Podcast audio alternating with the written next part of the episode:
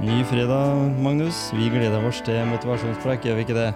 Det gjør vi, Tom Kjetil. Og så er det en fantastisk gjest som er her i dag òg. Vi er heldige.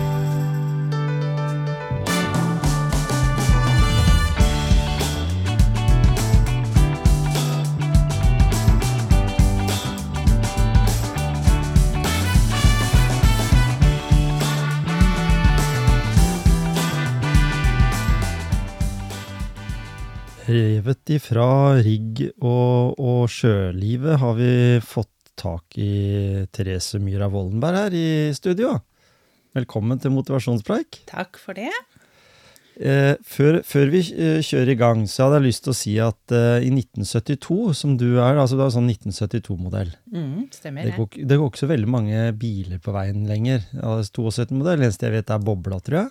Ja. Men den holder jo evig, så vi kan kanskje assosiere oss litt med boble. Du har jo en liten boble sjøl, nesten. ja, I hvert fall en BMW, var det ikke det? det var en Ja. En liten som En- går på strøm. Den går på strøm, vet du. Det er så miljøvennlig at Ja. I 72, da, så var det faktisk eh, Anne-Kat. Hærland ble født. Så dere er like gamle. Odd Ja. Nordstoga og Zinedine Zidane, fotballspilleren. Mhm. Og så blei Richard Nixon han ble president. Men eh, Universitetet i Oslo blei også starta, og det var faktisk starten på oljeeventyret vårt.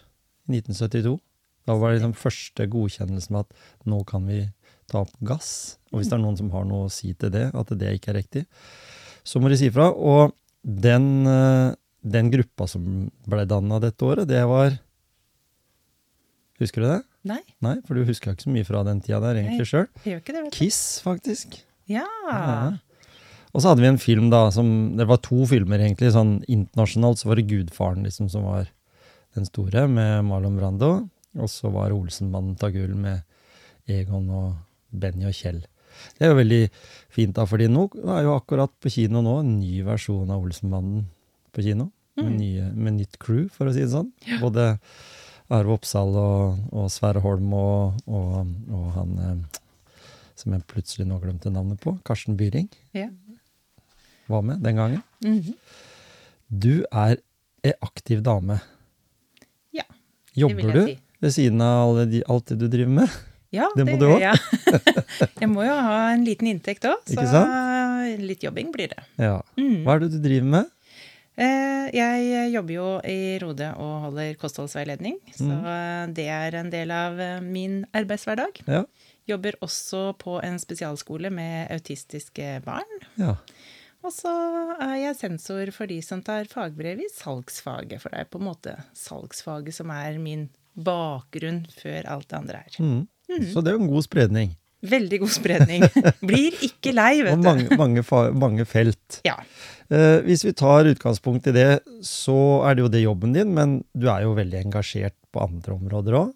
Det er Ting jeg. som har med, grunnen til at jeg nevnte det med seil i starten her, og, og litt det med å være på vannet, det, det er du ikke helt ukjent med heller. Absolutt ikke. Eh, For det første så har vi jo seilbåt selv. Mm. Og jeg og mannen min er veldig glad i å seile, og seile regattaer og seile på ferie, sånn tur, turvarianter også. Ja.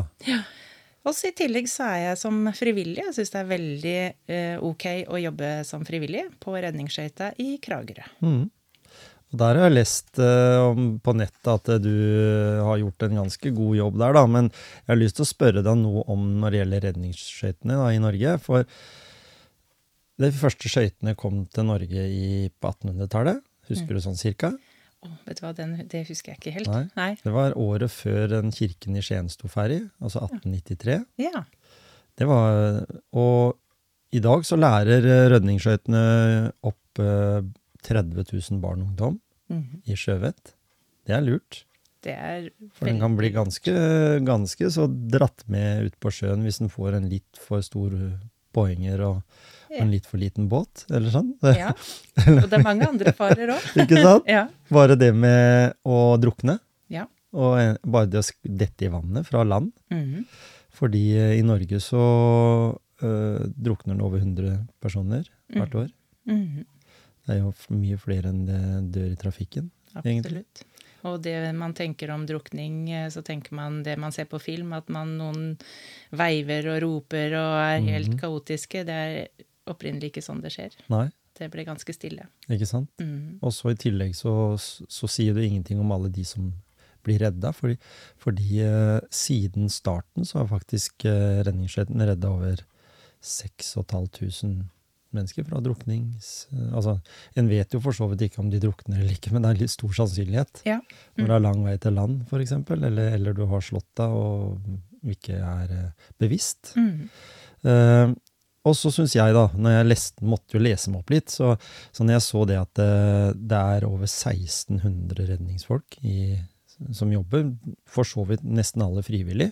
Det er vel noen i beredskap sånn, som må være der for et tilfelle når du sitter her nå og det skulle skje noe, så kan ikke du rekke ned til Kragerø, men det er kanskje noen som allerede er på båten. Ja, nå er det sånn at vi, i Norge så har vi både bemanna og ubemanna, eller bemanna, altså ansatte, mm. på skøyter. Ja. Eh, Det er egne skøyter, sånn som den som ligger i Stavern f.eks., Stormbull. Den eh, har fast ansatte. Ja. Mens den i Kragerø er basert på kun frivillighet. Det er ingen ansatte som jobber på den skøyta. Kun frivillighet. Mhm. Eh, På sommerstid, eh, eh, høysesong, så, så har vi 24-timersvakter. Mm. Mens nå utafor sesong så er det på klokka fem på ettermiddagen, og så er vi av igjen klokka seks på morgenen. Ja. Så det vil si at vi er på en måte UAD, altså ute av drift, fra klokka seks til klokka fem hver dag. Mm. Men så bor det jo noen eh, frivillige i Ja. nærheten. Ikke sant? Så skulle det skje noen store happeninger ute i, i skjærgården vår, så, så kan det hende vi klarer å bemanne. Mm. Men allikevel, som du sier, så er det noen som er bemanna. Det er ikke lang vei fra Stavern og Nei, til så- sånn sett, med en så- sånn båt. Det er Ja. ikke skøyter med seil lenger. Nei! Heldigvis så går det litt fortere. Ja. Ja. eh, og så har du jo eh, Hos oss da, så blir det litt annenhver, så den som ligger i Arendal, er også bemanna. Ja, ja. Mm. Så eh, på de stedene hvor det er mye pågang og trafikk, så er det eh, nesten annenhver skøyte bemanna og frivillig. Mm. Mens når du kommer lenger nordover, så er det litt annerledes. Mm. Det er lurt, da. At det er litt bemanna òg. For det Vel. kan jo brått skje noe. At Vel. noen eh, enten kjører villmann eller ramler ut i Ja. vannet. Absolutt. Og det som var også interessant, det, ja, det var 53 redningsskøyter nå. Mhm. Eh, men så har vi det der med at ingenting er gratis. Og jeg blei jo litt sånn skuffa over den norske staten, at de bare støtter ca. 15% av de inntektene dere har. Resten det er faktisk eh, over 100 000 medlemmer som betaler kontingent for å holde liv i virksomheten. Og da tenker vi at det, det er klart en må ha en viss oppgradering hele tida på, på båtene. Mm. Jeg var et sted i sommer, jeg mener at det var bort ved Drøbak et sted. Der var vi nede på en ø, brygge, ø, Hvaler muligens. Der var det lov i hvert fall noen sånne veldig moderne båter. Et par Mm. stykker på sommeren da. Og det var jo med noe De hadde noen sånne vannskutere her, så de kunne heise ned for å rykke ut mye raskere og sånn. Så de var veldig godt forberedt. Mm. Og det må man jo være, for det har jo Jeg har jo jobba på trafikkskadeavdeling mange år, og der har vi jo også hatt noen som har vært utsatt for drukning. da, fordi en kan jo si at har du drukna, men overlevd, Mm. på en måte, det er en mulighet det òg. Mm. At du overlever sånn at, men at du, du må leve med skade resten av livet. Så, så vet vi det at det er ikke mange minuttene som skal til i vannet.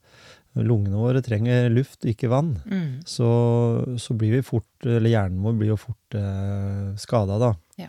Og det gjør jo at dere har jo veldig kort utrykningstid fra en får beskjed om at det er fare for drukning, og du bør være der. Mm. Du bør helst ha vært der med en gang. Føre. Ja. Har du vært med på mange sånne utrykninger? Det vil jeg tro kanskje som frivillig, eller? Eh, Har du sluppet? eh, Jeg har sluppet. Heldigvis. Heldigvis. Ja. Så jeg sitter jo liksom med hjertet litt i halsen. Eh, Vi har jo eh, avtale med AMK, altså ambulansetjenesten nede i Mm. Kragerø. For det bor en del folk ute på øyene. Sånn at, og det skjer ofte på natta, eller Mm. da på vinterstid med dårlig vær. Ja. At det skal hentes noen eh, på en eller annen øy, da. Så vi har på en måte en, en, eh, En utrykning der. en utrykning for de. Mm. Eh, Jeg er veldig glad når de er med. Det Ja. føles veldig trygt. ja. Men er vi først til stede, så, så må jo vi eh, gå i gang med førstehjelp, selvfølgelig. Mm. Det vi har mest av av oppdrag på sommeren, er jo kanskje motorstans, grunnstøtinger, Mm. eh, og de tingene som ikke nødvendigvis ved rolig vær er noe problem. Men ved en storm, f.eks., eller ved veldig mye bølger, hvordan er det pålandsvind, fare for at du blir kasta på land, så er det jo, haster det jo en del.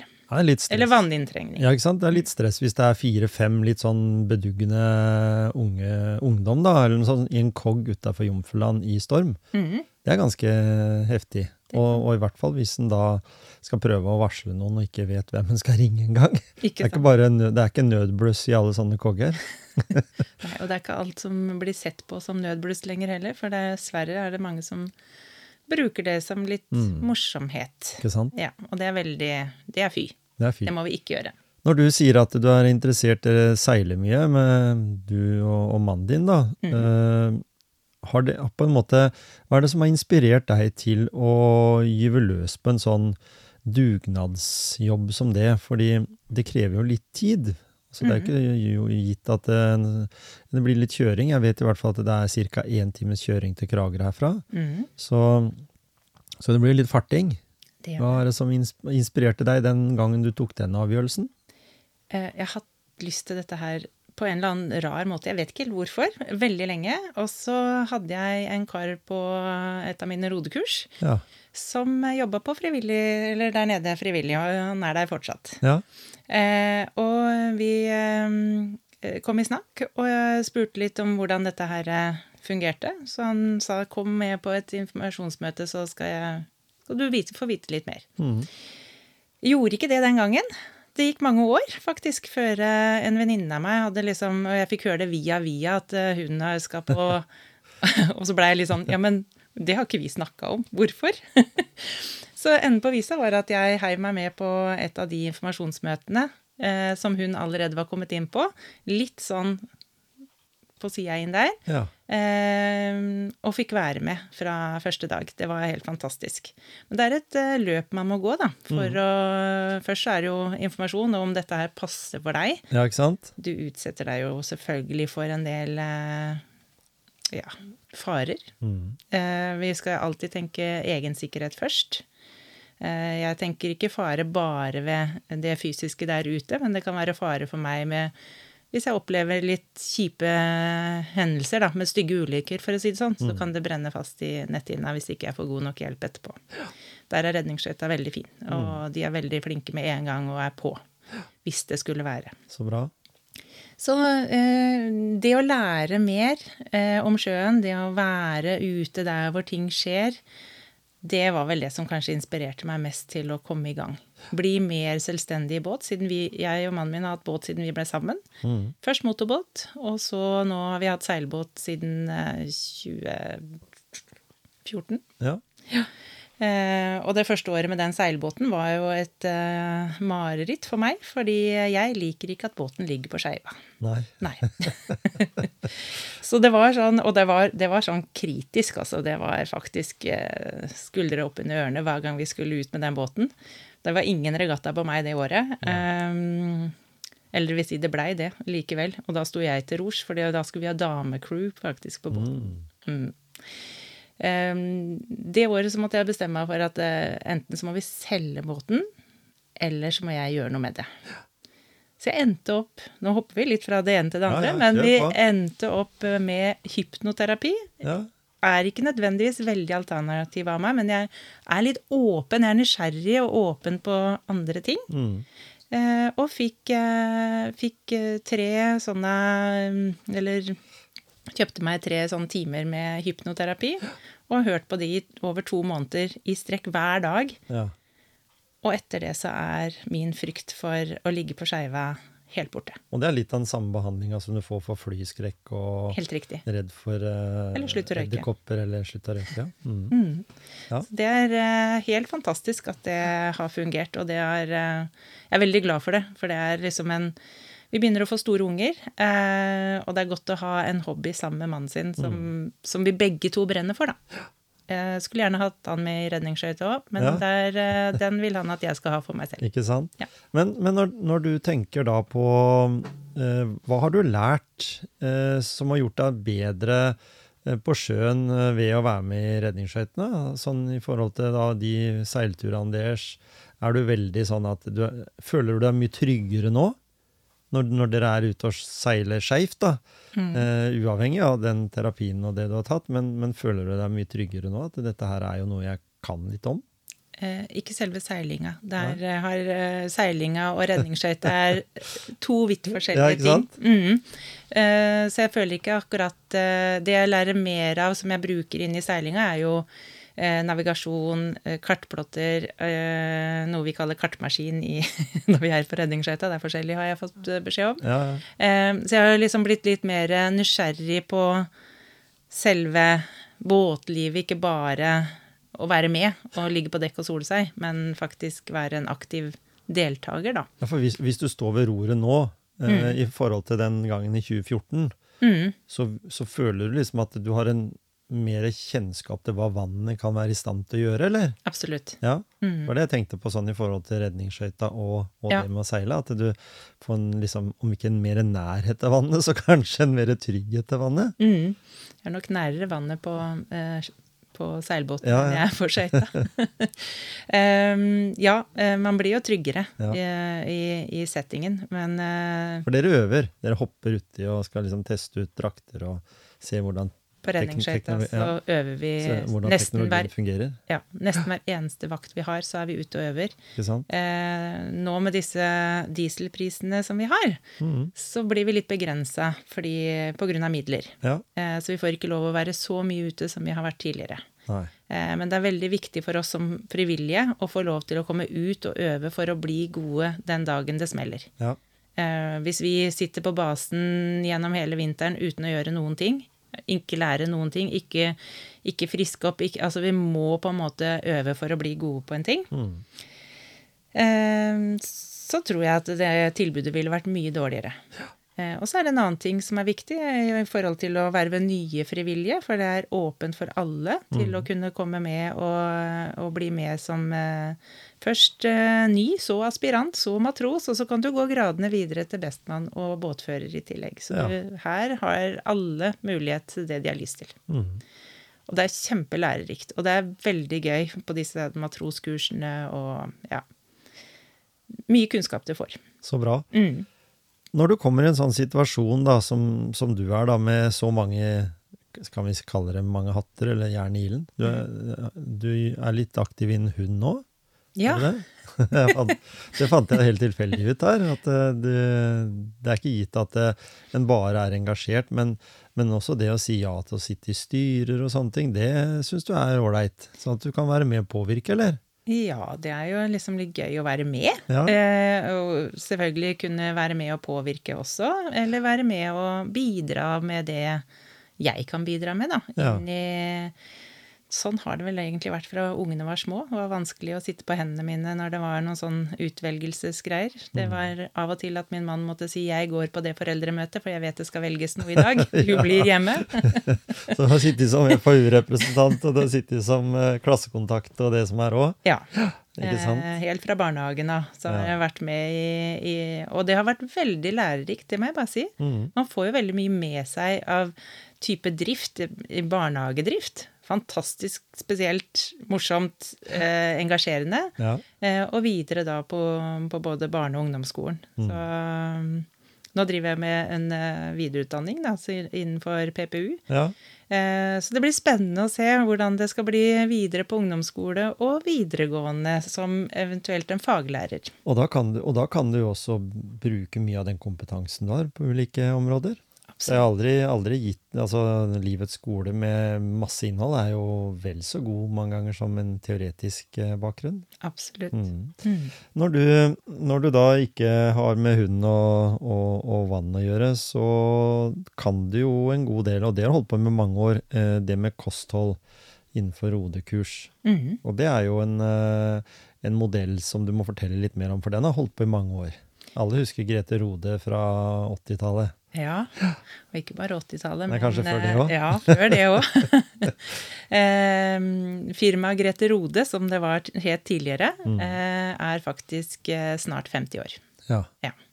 Så, og jeg er veldig glad for at det har vært utvikling, også innenfor kostholdet. For den gangen eh, Grete Rode starta med sine første kurs hjemme på kjøkkenbenken eh, hjemme hos seg selv, så var det jo gitt at da er det 1100 kalorier på dagsbehovet, uavhengig av eh, kjønn, uavhengig av vekt, eh, høyde, aktivitet.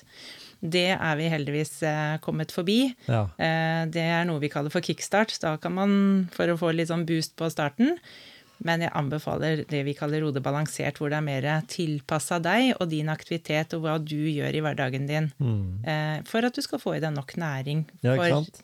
og, og så er det liksom eh, Nå heter vi jo eh, Rode, eh, og det er Allergruppen som eh, eier eh, firmaet Rode. Jeg som kursleder er personlig eh, eller næringsdrivende, og, og, og selger disse kursene, men har Rode i ryggen med all ekspertisen som er der, da.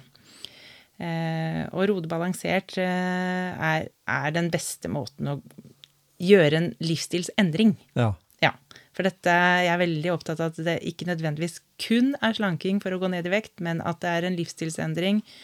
Og eh, vi burde egentlig hatt egne kurs for det å lære å spise sunnere for egen kropp og helse. Ikke nødvendigvis fordi vi skal ned i vekt, men fordi vi skal få det bedre, få mer energi, eh, få bedre immunforsvar, ikke minst. Nå i disse Disse tider. Ja. Ja, for, for når vi snakker om det med kosthold, så ser vi jo det at eh, Eller det er ikke alle, da, men en god del uh, lett, har lettvinte løsninger. Mm. Helt ifra barn er små. liksom, å, Det er så hektisk hverdag, og begge jobber. og Det, det har jo for så vidt jeg også vokst opp med med mine barn. da, at Vi også hadde jo på 80- og 90-tallet, begynnelsen av 2000-tallet, så var det jo også sånn at vi alle sammen var, kom fra jobb, og så var det hektisk og sånn. Men, men det har kommet så veldig mange sånne eh, du kan bestille sushi, få levert på ti minutter, du kan ta en burger, drive-in og sånt. Og det, var, det hørte med til sjeldenhetene, drive-in i hvert fall, husker jeg den gangen. og da tenker jeg eh, lettvinte løsninger på mat. eh, Det er jo fordi en kan spare tid, men, men når, du, når du driver da med kurs, hvor tidlig kan man på en måte, jeg vet ikke i forhold til kurs, men hvor tidlig bør man gå inn og så begynne å lære opp eh, barn og ungdom til et sunt kosthold? Da? For det, det vil jo gjøre en kanskje eh, Riktignok at ikke du har like mange på kursa dine, da. Men allikevel, allikevel så er det nok å ta av de som, som trenger kurs. Men at vi, at vi i det hele tatt bør bli motivert til et uh, tradisjonelt sunnere kosthold. Fordi jeg vet jo det at eh, hvis vi tar den her eh, norske modellen da, med brødskive med brunost og nistepakke og hele pakka, så funker jo den da for mange, men vi er jo mer inaktive nå. Det er jo gjort undersøkelser på det at eh, 75 av alle nordmenn er inaktive. Dvs. Si at de er mindre aktive enn det de bør være daglig. Mm. Og det tror jeg er tatt sånn utgangspunkt i at du bør være aktiv, gå tur eller, eller bare gå en 20 minutter til en halvtime hver dag. Mm. Og der er vi ikke. Nei. Vi tror det at vi er veldig aktive fordi vi er verdens beste på ski. Men hva kan du si om, om modellen eh, Rode, da? Hva, hva den kan gjøre med de som da har lyst til å gjøre en sånn livsstilsendring? For det er jo da du som, siden du er nå i motivasjonspreik, så skal du motivere de til å sette i gang. Og jeg tror det at personlig, det jeg kan om dette her, så tenker jeg at du har motivasjon, og så er det det som heter indre motivasjon. Og hvis du kommer og greier å snu noen der, på den indre motivasjon, Mm. så kan det være mer sannsynlig at du får det til en livsstilsendring.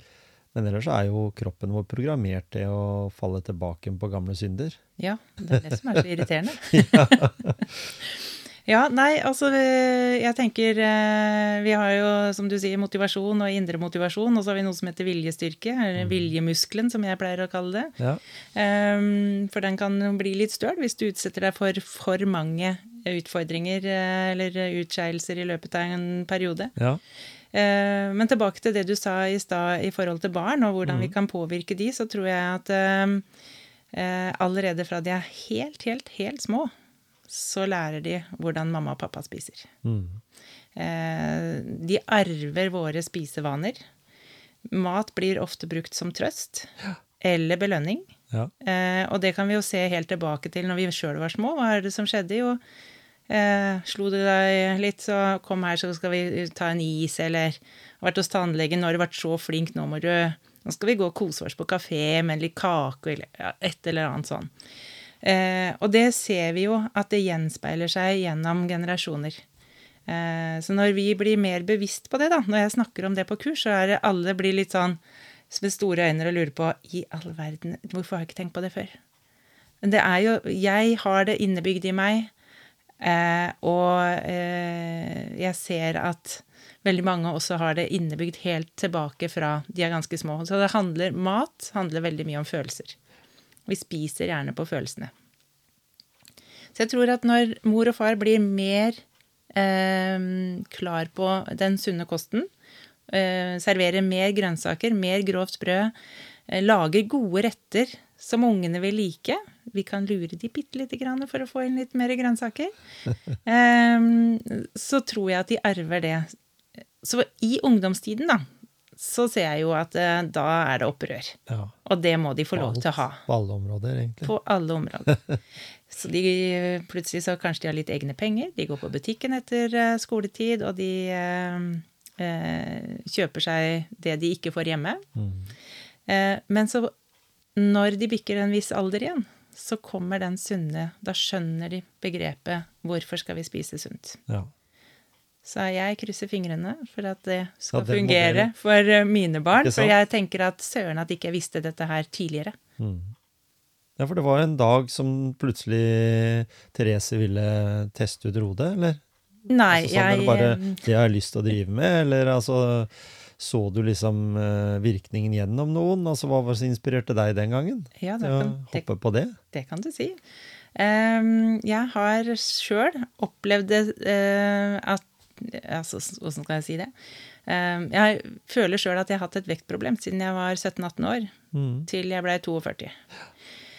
Eh, nå er jeg 50 eh, og har klart å ha en stabil vekt for første gang i mitt liv eh, i åtte år med pluss-minus 2-3 kilo. Ja. Eh, og det var, jeg måtte bli så gammel før jeg lærte. Ja. så jeg har vært en jojo-slanker all den tiden her, og når jeg ser tilbake på, på meg selv og bilder, da, så var jeg jo ikke tjukk. Jeg er forholdsvis høy, 1,76 høy. Eh, på, av mine venner så var, rakk de meg til haka. Så alle mine venninner var jo så små, de veide mindre. Alt var mindre på de, og jeg følte meg som en stor kjempe bestandig. Men jeg var ikke det i utgangspunktet. Men uh, har blitt uh, innimellom. Så begynte med Rode. Uh, tok av 10 kilo, husker jeg. Da var jeg 17 år. Jeg lurer på hva som hadde skjedd hvis jeg ikke hadde starta den karusellen den gangen. Men det var det, som skjedde. Og så eh, la jeg på meg en del eh, rundt 20-årsalderen. Så da endte jeg opp med å ta 27 kilo. ja. Og tanken min var tenk om jeg kunne jobbe i Rode. Da var jeg 20-21. ja. Eh, men tenkte at det var et altfor stort og flott og fint firma at jeg kunne jobbe i det. Så jeg var eh, av og på alle mulige slankevarianter. Jeg har prøvd alt mulig av slankevarianter selv, og da sier jeg slanking, og det er negativt lada for meg. Eh, så jeg har prøvd lavkarbo, jeg har prøvd eh, Grete Larsen, Grete Rode, eh, Ingers fibermat, men havner tilbake til Grete Rode fordi det er mat satt i system. Så vi får riktig balansert i forhold til næringsstoffene, rett og slett. Mm. Så eh, har jeg vært denne jojo-slankeren, da. Og min siste kursleder, eh, hun eh, lærte meg hva som skulle til for at jeg skulle klare å holde min vekt stabil. Eh, og gikk på eh, Hold vekten-kurs hos henne et år etter jeg var ferdig å ta av mine siste 14 kilo. Og så blei det plutselig en mulighet for å søke Oi, jeg, det kom en annonse. Jeg kan søke. Ja. Yes. så da, siden, så da har jeg vært eh, kursleder nå i snart åtte år. ja. Mm. Eh, og det har vært en eh, kjempefin reise. Og vi har vært med på en del endringer inne i Rode. Eh, fra at eh, Grete Rode og Jeanette Rode var i firmaet, til at de har på en måte eh, tatt seg ut av firmaet. Eh, Grete var allerede ute, men hun var eh, på alle tilstelningene vi hadde. Kongresser og slankefester og sånne ting som vi hadde for deltakere, da. Mm. Eh, dessverre så er jo hun nå død. Ja. Og Jeanette har også solgt seg ut av firmaet. Det er nye krefter inne og nye muligheter, og jeg har stor tro på at grunnbasen til Rode er, vil ligge i bånn på dette firmaet Så lenge det eksisterer. Ja, For det er jo dere som er. Ja, Dere som jobber med det. vi er Rode-familien, Ja, skjønner du. sant? Og det som er så fantastisk da, med både Grete og Jeanette, er at du, når jeg kom dit første gangen, så følte jeg at jeg var en del av familien. Ja. De kom sånn veldig i møte på meg og bare Så hyggelig å se deg. Og Grete, da, som så meg første gang i et sånn setting med både kursledere og kursdeltakere. Og vi var gans, jeg tror vi var 40-50 stykker. Og så kommer hun bort. 'Du tror jeg er ny. Jeg har ikke hilst på deg før. Jeg har ikke sett deg før.' Og så at hun da klarer å plukke ut det fra Ja. de andre. Ikke sant? Eh, og sammen med Jeanette. Hun påsto hun skulle huske navnet mitt, og jeg trodde ikke på henne, men eh, jeg har skjønt hvorfor, da, for hun har en datter som heter Therese. Ja, sånn, ja. Du kobla det. Ja. Men, men da er det jo sånn at du nå, nå, nå er det jo sånn at når du er eh, kursleder sjøl, da, så er det jo sikkert mange av de kurslederne også som eh, kanskje faller litt tilbake. Det er jo det er alltid en sånn eh, Du får barn, for eksempel, så, så påvirker jo det kvinner mye mer enn menn, egentlig. Selv om jeg tror at det kan også påvirke den veien, fordi en blir jo mer eh, statisk, en blir mer hjemme. Mm. Eh, og, og da er det mindre bevegelse, mindre aktivitet. Og, og jeg har den enkle oppfatning at hvis en er flink til å kunne kombinere aktivitet med et sunt kosthold, så, så er det en god kombinasjon, da, men vi er litt dårligere på å være i, i, i gjennomsnittlig god aktivitet. Det er vel Mm. det som kanskje slit, vi sliter litt med i dag. Mm. Det er mye mer skjerm. Det er mye mer sofa. Det er mye mer serier på TV. Det er mange unnskyldninger for ikke å, å være i aktivitet. Og da er det jo, som du sier også, er litt inne på der, med kosthold. Eh, Hva er det som er liksom For å ta det, da, eh, av noen av våre lyttere der ute som, som nå etter dette her helt sikkert har lyst til å melde seg på et uh, rodekurs. Hva er det som på en måte er greia? Er det sånn at du bare skal spise kyllingfileter og grønnsaker, eller hvordan er en kostholdsrutine på en uh, dag? En normal arbeidsdag? Første anbefaling er at du spiser eh, fire, fem og seks måltider i løpet av dagen. Ja. Eh, men da litt mindre enn det du kanskje gjorde tidligere. Eh, spise litt hver tredje-fjerde time. Komme i gang fra morgenen av. Og så er det jo Vi har en app som på en måte forteller deg litt om ditt kosthold. Ja. Du lærer utrolig mye. Den appen kan du også kjøpe bare appen uten å gå på kurs, hvis man ønsker å lære mer om kostholdet sitt. For der får du resultater på karbohydrater, proteiner, fett, sammensetningen på dette her, om du spiser nok. Hva okay. du bør spise mer eller mindre av. Mm. Eh, I tillegg på kurs da, så får du jo da eh, veiledning på dette her for å finne ut mer rundt det hvis du sliter med å komme opp i det vi kaller kostholdsscore, da. Mm. Eh, maten vi spiser, eh, og mengden vi spiser, det er jo det vi går ned i vekt på. Eh, og så kommer trening i tillegg. Det er jo mange som tenker at eh, nå skal jeg begynne å trene fordi jeg skal gå ned noen kilo. Noen klarer det, men veldig, veldig få. For ofte når man trener, så får man mer matlyst. Mm. Man trenger mer mat, for, eh, og man, man syns, at, man syns sjøl at man trenger mer mat. Ja. Eh, Men som regel, så trenger, hvis du skal ned i vekt, så må du passe på at du har et underskudd på energibalansen din, rett og slett. Mm. Så må være litt sliten, liksom, Må være litt slapp for å greie. Ja, Altså, men hvis du, du hardt. spis, ja, men hvis du spiser riktig mat, Mm. så har du nok energi til den harde treninga di. Ja. Ja. Når du sier den modellen til Rode, den, det, dere har sikkert eh, mange tusen å vise til som har lykkes. Mm. Og så er det vanlig mat, det var det jeg skulle si. Ja. Vi kan spise alt, ikke bare kylling. Nei, ikke sant? Og, og da tenker jeg, i dag så er det jo debatter om både det ene og det andre. Blant annet så har det kommet inn nå en modell som en del eh, ernærings... eh, for, altså forskere rundt ernæring, da. Eh, noen er veldig skeptiske til det, andre er veldig positive til det. Det har det med faste å gjøre, fordi vi er kanskje ikke alle laga til å spise frokost, eksempel. Det er kanskje det måltidet vi får beskjed om at å, du må huske på å spise frokost, for det er liksom starten på, på dagen. Men, men allikevel så er det mange som har gode resultater med metoder som eksempel ikke spise annet enn mellom ja, 11-12 Mm. og 8 om kvelden, liksom. Og inni der så skal alle måltidene være. De skal ikke være noe mindre. Det skal være like så mye som kroppen trenger, men, men det gjør at det, en, en, en får en slags fastemodell, da. Eh, du nevnte på at dere eh, Rode sin modell er av flere måltider, men med mindre inntak. Og og det har funka for mange, har det ikke det? Jo, og jeg, eh, jeg tenker jo at alle disse modellene funker hvis du er tro mot den modellen du er på. Mhm. Eh, Vi opplever veldig mye shopping av eh, det beste fra alle modeller. Ikke sant? Og det funker sjelden særlig bra. Ja. Um, og så er det jo litt sånn De som har gått på kurs hos meg eh, en stund, de kjenner på De behøver ikke å se på klokka når de er sultne. Altså, de kjenner det på magen hva klokka er, det var det jeg skulle si. ja, ikke sant?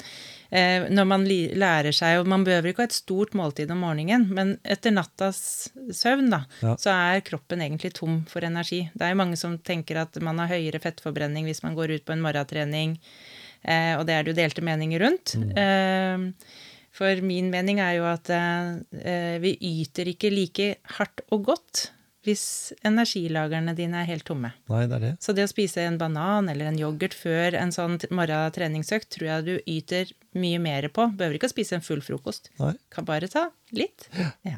Og- Og det, og det jeg ser mange i min jobb, da, så ser vi det at eh, vi har mange vi skal kontrollere blodsukker på. altså Spesielt eldre mennesker, da, men det gjelder jo egentlig sikkert oss alle. At eh, vi tærer på det vi har i, i oss, og så, og så får vi et lavere blodsukker på morgenen. Sånn at hvis vi kutter frokost og tida går, så kan det godt hende at vi er litt sånn lette irritable sånn halv tolv-tida.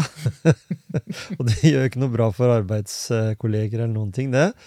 Eh, Men det er jo sånn. Det er bevist at eh, blodsukkeret vårt det synker på morgenen fordi vi på en måte tærer på de reservene vi har. Og hvis du på en måte har da måltider som eh, Jeg jobber jo mye natt, så jeg har jo prøver bare sjøl å være bevisst på at jeg ikke spiser for mye på natt.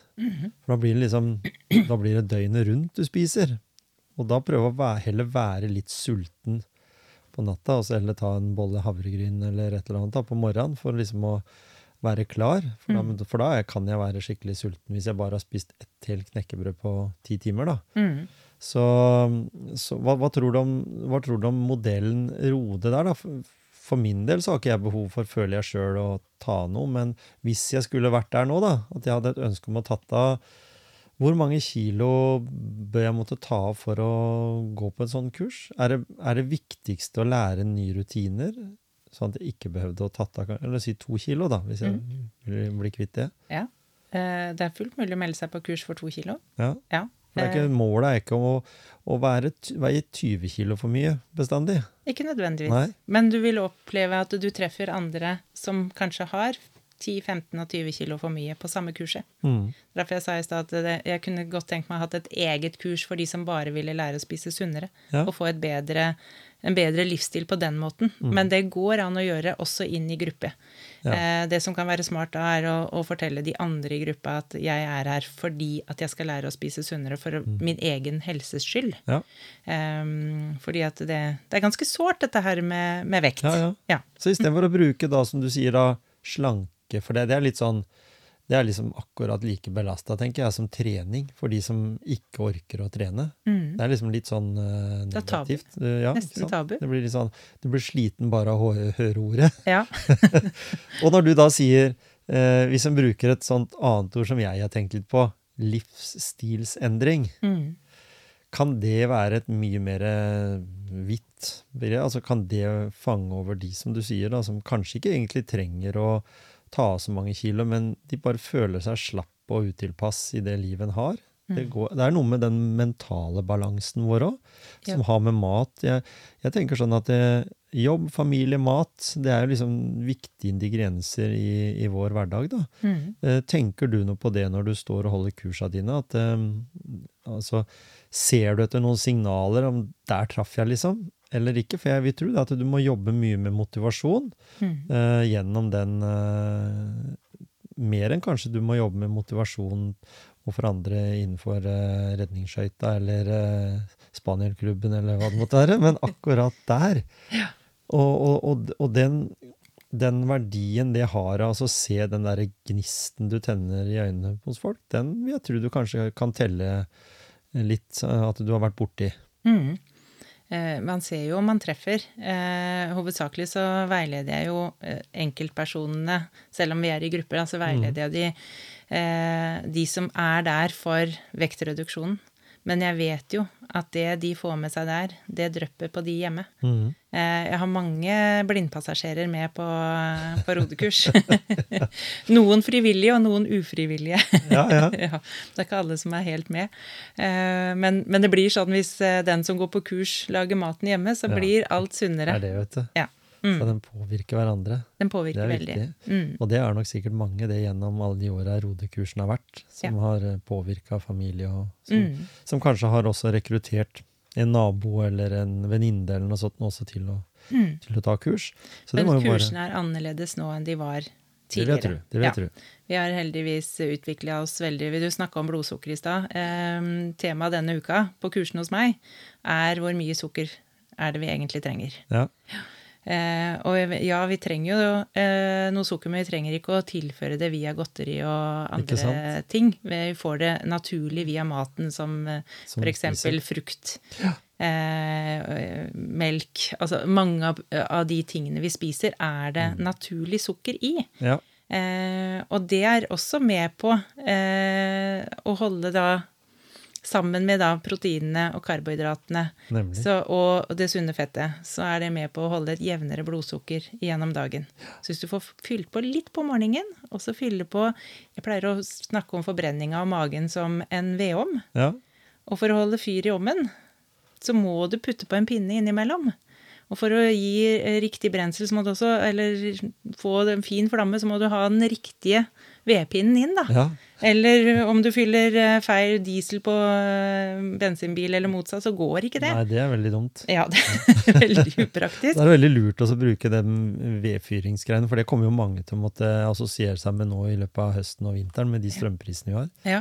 Så, Så du må holde fyr i forbrenninga di ved å fylle på litt hver tredje time. Ja. Og huske å drikke nok vann. Da har du kommet et godt stykke på vei. ja. Mm. Og nok grønnsaker, selvfølgelig. Ikke sant? Ja. Litt, av, litt av alt, egentlig. av alt. God variasjon. Ja. Fordi det som jeg sa når jeg sa det her med kyllingfilet, jeg husker jo det at det var eh, noen nabodamer der som jeg eh, vokste opp, eh, nede nede ikke så langt unna herfra, i Gråten. Det var jo at en skulle liksom på et rodekurs, eller Grete Larsen, eller hva det var, så skulle du liksom begynne altså, Du debuterte jo egentlig For hun spiste jo ikke så mye kylling, det var mer koteletter, og det var eh, bankekjøtt, og det var mye sånt da jeg vokste opp. Eh, og det kunne du kanskje ha, fordi det, jeg kan ikke huske at det var så veldig mange veldig overvektige, men det var fordi du var aktiv. Du ble Mm. ikke kjørt til trening, eller du måtte sykle til skolen og Mm. var mer i aktivitet, da. Men uh, i hvert fall husker jeg da var det liksom lanseringa. Da var det frukt, altså grønt, salat, kyllingfilet. Mm. Og det som husker jeg mora mi syntes det var veldig rart. Om det gikk an å spise bare det, om det var mat nok, liksom. For den gangen. Og det var jo egentlig lanseringa av disse her eh, på sånn Når jeg vokste var det sånn midten av 70-tallet, ja. Mm. Ja. Stemmer det.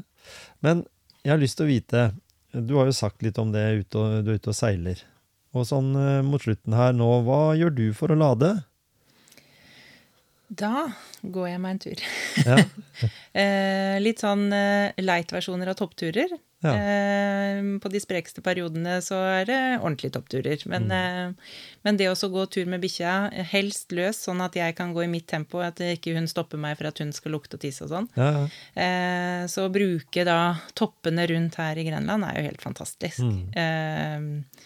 Eh, forrige uke så fikk jeg til tre. Det var helt eh, Og da, da lufter jeg hodet. Jeg lufter vettet, pleier jeg å kalle det. ja. Så hvis jeg er litt sliten og egentlig har lyst til å sitte på sofaen, da er det om å gjøre å klare å komme seg over dørstokka, Mm. dørstokken og komme seg ut. ja. Så det er vel den nærmeste ladingen jeg har. Ellers så vil jeg jo si at eh, når jeg er mest sliten, det kjører rundt i hodet, så er det å komme på vakt på redningsskøyta.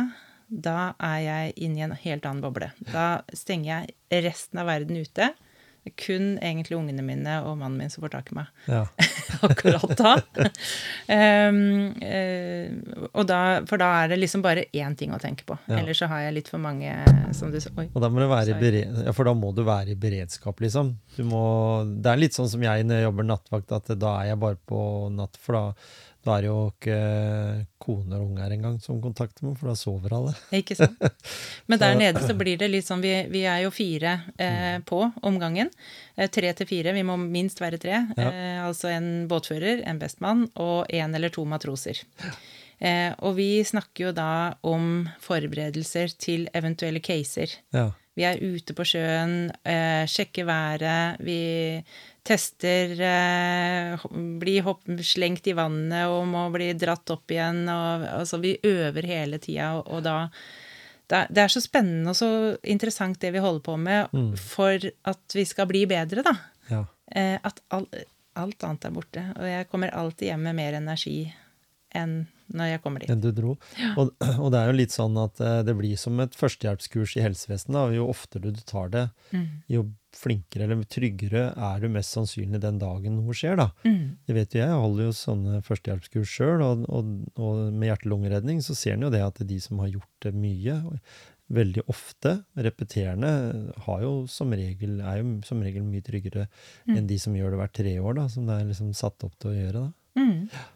Så det er folk som rekker å begynne i helsevesenet og slutte i helsevesenet før det neste kurset holdes, og de kan kanskje ha jobba i tre år innen helse og aldri ha hatt et førstehjelpskurs. Ikke sant. Men aldri vært i en sånn situasjon heller. Men det er som du sier, dere bygger opp en viss form for beredskap der alt kan skje.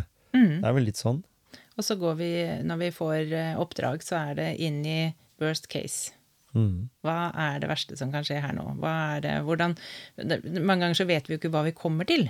Vi Nei, aner sant, ikke Altså, vi har fått en posisjon, men hva er det som møter oss der framme? Ja. Er det folk i vannet? Hvor mange mennesker er det der? Er det dyr der? Er det barn der? Mm. Eh, er det barn der, så går det enda fortere. Da, da eh, blåser vi alt. men eh, Så det er liksom å komme seg fort nok, ikke sant. Mm. Skøyta vår går eh, 25-30 knop. Ja. Eh, det er ganske fort.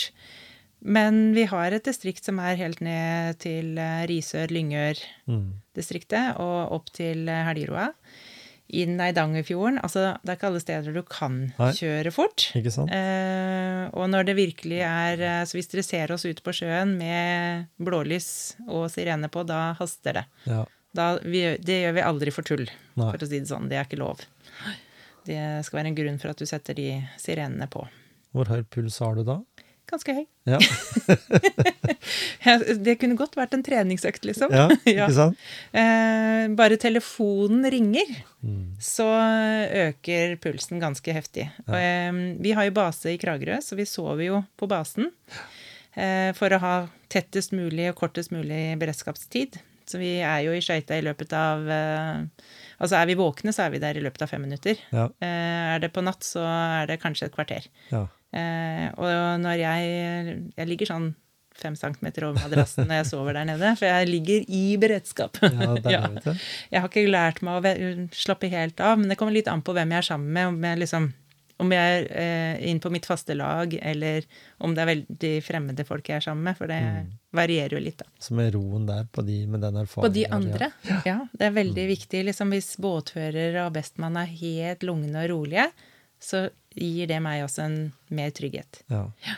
Men de er ofte det, da. Så, De så, og, så det kan du trygt anbefale for de som brenner litt Altså har lyst til å være mer på sjøen, Mm. eh, og, og være engasjert i det med å hjelpe langs kysten vår. For vi har ganske lang kyst. Mm. Vi har det. Eh, og det gjelder jo uansett hvor du holder til eh, som hører på motivasjonspreik, enten det er her lokalt i Telemark, eller det er langs kysten, på Vestlandet, Nord-Norge osv. Så, videre. Så mm, ta kontakt. Jeg, jeg var på nett og kikka. Det står ganske mye ned til lokallag og sånt noe der, så det er lett å finne veien til de du er. Og jeg er sikker på det at det, det står også kurser der, når det er Mhm. jeg tror. Du, Ja, ja. jo, du kom jo på et sånt, du sneik deg jo med Jeg på et sånt. Jeg sneik meg med, da. Eh, Men det finnes en på, eh, påmeldingssted der, og, og du blir da kontakta når det blir informasjonsmøte. Ja, Så ta gjerne kontakt. Vi trenger påfyll eh, av matroser hele tiden for å få kjørt Vi må gjennom disse løpa, på en måte. Og så er det vel sånn også at en, kan være, eller en kan være støttemedlem, Mm. ha følelsen for det at en kan bidra. For å holde liv i skuta, for å si det på den måten. Mm. Eh, og det kan jo også gjøre til at en føler at en er litt nærmere organisasjonen. Da. Hvis en har litt sånn trøbbel med tid, Mm. så er det klart at du nå har kanskje voksne unger, så det er litt lettere å sette av den tida. Mm. Og kanskje er det bedre å ha med deg nå enn når du får 10, altså den gangen fra 10-15 år siden, når, du, når en hadde var mer eh, tempo i heimen. Mm. Det er kanskje noe med det òg, at jeg ikke kom videre den gangen. Ja. At jeg hadde litt for mye hjemme. Mm. Treffer mange fine folk. Veldig fine folk. Ja. Og folk der ute som eh, blir hjelpa, de er så takknemlige. Det vet jeg. Eh, og så blir de sjokkert hver gang vi sier at alle om bord her er frivillige, og vi får ikke en krone for å Nei, være her. Da blir nei. de helt satt ut. Og det syns jeg i utgangspunktet er en fin ordning, da, fordi i det øyeblikket en skal begynne å, å ta seg betalt for ting, så blir det jo fort dyrt. Men jeg vil jo si at, eh, at jeg mener staten bør gå inn og i hvert fall dekke 50 av det, fordi det er jo tross alt en dekning av kysten vår. Vi har jo Kystvakta også, men den blir jo mer militær sånn sett. Dette er, vi snakker om en frivillig redningstjeneste som, som er ganske på høyt beredskap når flere og flere får seg båt Mm. og, og kjører fortere på vannet, og en har ulike andre enheter også, og en har mye mer hytter langs kysten. Så, og ikke bare kysten, men hvordan er eh, redningsskøyta sin kapasitet i store vann? I fjorder Jeg vil tro at fjorder er jo kobla på havet, Mm. men det er, noe, det er ikke noe sånn oppi Det er større den i. Mjøsa. Ja, ikke sant? Mm. Der er det én. Ja. Men det er den eneste jeg vet om. Ja. Tyrifjorden er jo ganske stor, men ja. den uh, Mm. Er det andre land i verden som har sånne, sånne type ordninger? Sverige har jo Sverige har sin egen. sin egen. Mm. Ja. Så nå har jeg ikke satt meg inn i de Nei, nei, jeg skal ikke rundt, spørre men hvor mange de har, men de har jo enormt kyst, og de har mye vann også inn, internt inne i landet. Innlandet, så- ja. Mm, så absolutt. Spennende. Kanskje vi finner litt ut av det neste gang vi prater med deg. Du setter deg litt inn i redningstjenesten uh, i Sverige. i Sverige. Kanskje det. Kanskje du, skal, du skal få lov til å påvirke folk til å bedre kostholdet sitt. Mm. Bli, bli holdt på å si, mer trygg på seg sjøl gjennom det, og bruke den rodemodellen som du jobber eh, iherdig med. Satse på det at du får mange eh, nå framover mot høsten og kommer mm. mot Jeg ser jo allerede nå at det er eh, kommet en del eh, ekstra påmeldinger. Selv om vi har den økonomien vi har om dagen, så Ja. mye ekstra utgifter. Mhm. Eh, Men helse er viktig. Helse er viktig. Og eh, investere i helsa. Det Ja. er superviktig. Mm. Jeg holder jo kurser både i Skien og Porsgrunn. Eh, og også på nett. Ja. Så du trenger ikke å bo her engang. Nei, ikke sant? Du kan bo hvor som helst i hele verden. Ja, Ja. Rett og slett. Så lenge du har internett. Ja. Ja. Så lenge du har internett, så funker alt. Og kan, eh, det er én til én og i grupper, og det er masse varianter å Ja. velge. Så det er bare å ta kontakt. Så det er bare å ta kontakt med, med Therese på, på nett, og på Facebook sikkert også, hvis dere er litt mer nysgjerrig. Mhm. Og så satser vi på at det er veien å gå. Tusen takk for at du kom innom i motivasjonspreik her. Jeg håper at lytterne våre har fått uh, mye læring, eh, fått med seg en del. Gjerne kommenter på Facebook-gruppa vår hvis dere, når dere hører denne episoden her, på fredag. Og at dere kan komme med noen kommentarer, inn, inn, innspill, til eh, ikke nødvendigvis at de skal Men kanskje hvis de lurer på litt opplysninger rundt Rode, da, eller hvordan det er å bli med i Kragerø, eller på redningsskøyta generelt, så håper Bare jeg at dere bare spør i vei. Så skal jeg sende beskjedene videre til Therese, og så vet jeg at hun svarer også på, på eget, e, egen personlig melding. Bare å ta kontakt.